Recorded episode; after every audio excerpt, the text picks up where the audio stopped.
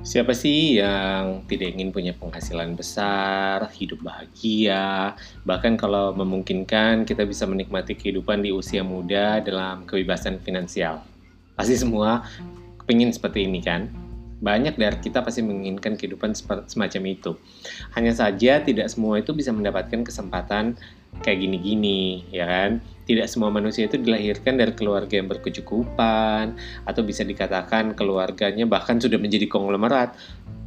Kalau sudah seperti itu, ya mereka mungkin tidak memerlukan lagi atau tidak memikirkan lagi persoalan tentang uang dalam hidup Nah, terlepas dari faktor nasib, rezeki lah, hoki atau apa pun namanya, kadang ada banyak juga sih manusia yang sudah bekerja keras atau bahkan mereka sudah memulai usaha dan uh, karirnya dari usia yang masih sangat muda itu belum bisa menikmati hidup dalam kebebasan atau kemerdekaan finansial.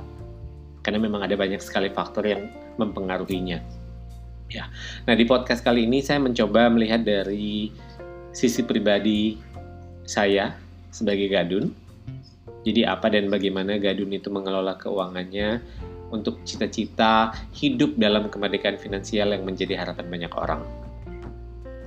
Jadi di usia saya yang ke-20-an memang itu godaan besar sekali untuk kita membelanjakan penghasilan yang kita punya jiwa muda itu masih bergejolak, keinginan tampil untuk sebuah eksistensi lah, terus uh, belum lagi godaan lingkungan untuk sedikit atau bahkan tanpa sadar nih kita kelewat banyak menghambur-hamburkan uang demi kesenangan masa muda.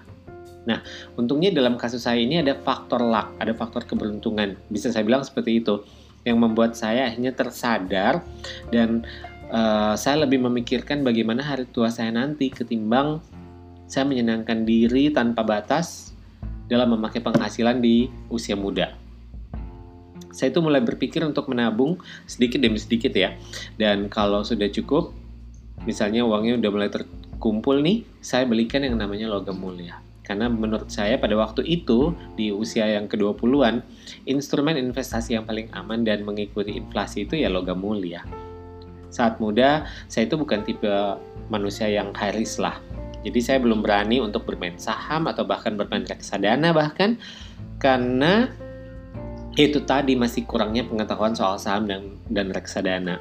Nah, sejalannya waktu terus mencari tahu segala faktor risiko dan keuntungannya, baru saya mulai mencoba berinvestasi dalam bentuk saham. Nah, ada juga nih satu kesempatan di mana uh, saya berkesempatan membeli properti. Jadi saya memilih properti ya sesuai dengan kemampuan, sesuai dengan budget yang uh, saya miliki. Karena satu hal yang saya yakini adalah manusia itu kan akan terus bertambah ya jumlahnya. Sedangkan lahan atau tanah untuk kita hidup itu tidak akan menjadi makin besar. Bumi itu ya segitu-gitu aja manusianya nih akan menjadi lebih banyak. Jadi logikanya menurut saya cepat atau lambat ya nilai properti itu pasti akan meningkat.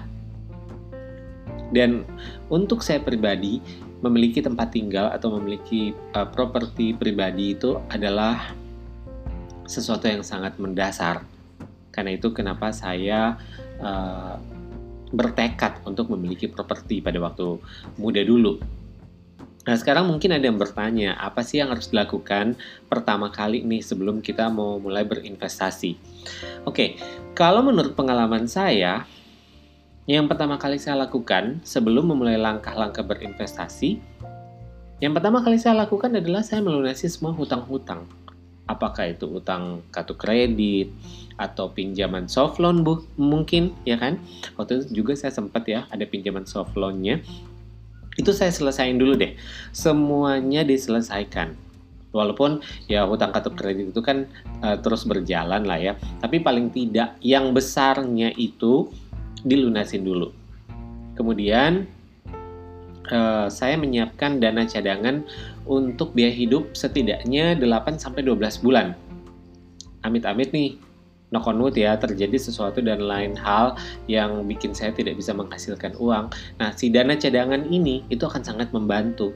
Jadi, jadi dana cadangan itu tidak harus uang cash.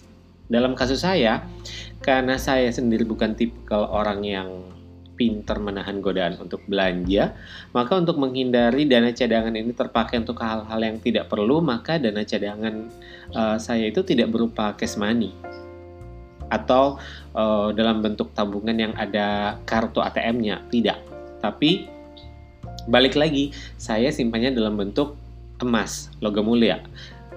Karena uh, logikanya ya gini aja, sing, uh, gampangnya gini, lebih butuh waktu untuk mencairkan si logam mulia ini ketimbang dua, duit tunai. Jadi uh, si dana cadangan ini bisa dibilang aman lah, tersimpan dengan rapi, terhindar dari godaan-godaan yang nggak penting-penting untuk digunakan. Nah, udah nih dua ya, uh, utang-utang udah beres, kemudian uh, sudah mulai punya dana cadangan. Selanjutnya saya beli asuransi kesehatan Nah, kalau untuk asuransi kesehatan, saya pribadi memilih yang namanya unit link dibandingkan asuransi kesehatan murni. Uh, memang sih kalau dibandingkan dengan biayanya atau harganya, unit link ini pasti akan lebih tinggi ya. Tapi untuk sebuah proteksi, buat saya ini lebih aman. Karena kalau untuk hmm, asuransi murni nih, contoh kasus dalam tahun berjalan terjadi klaim, amit-amit ya, mungkin tidak akan mudah lagi buat kita memperpanjang asuransi kesehatan murni kita di tahun berikutnya. Nah, kalau misalnya tidak bisa diperpanjang lagi, kan lebih repot. Tapi kalau misalnya saya pakai unit link, itu kan sudah ada uh, kontraknya sampai umur berapa nih kita di cover, ya kan?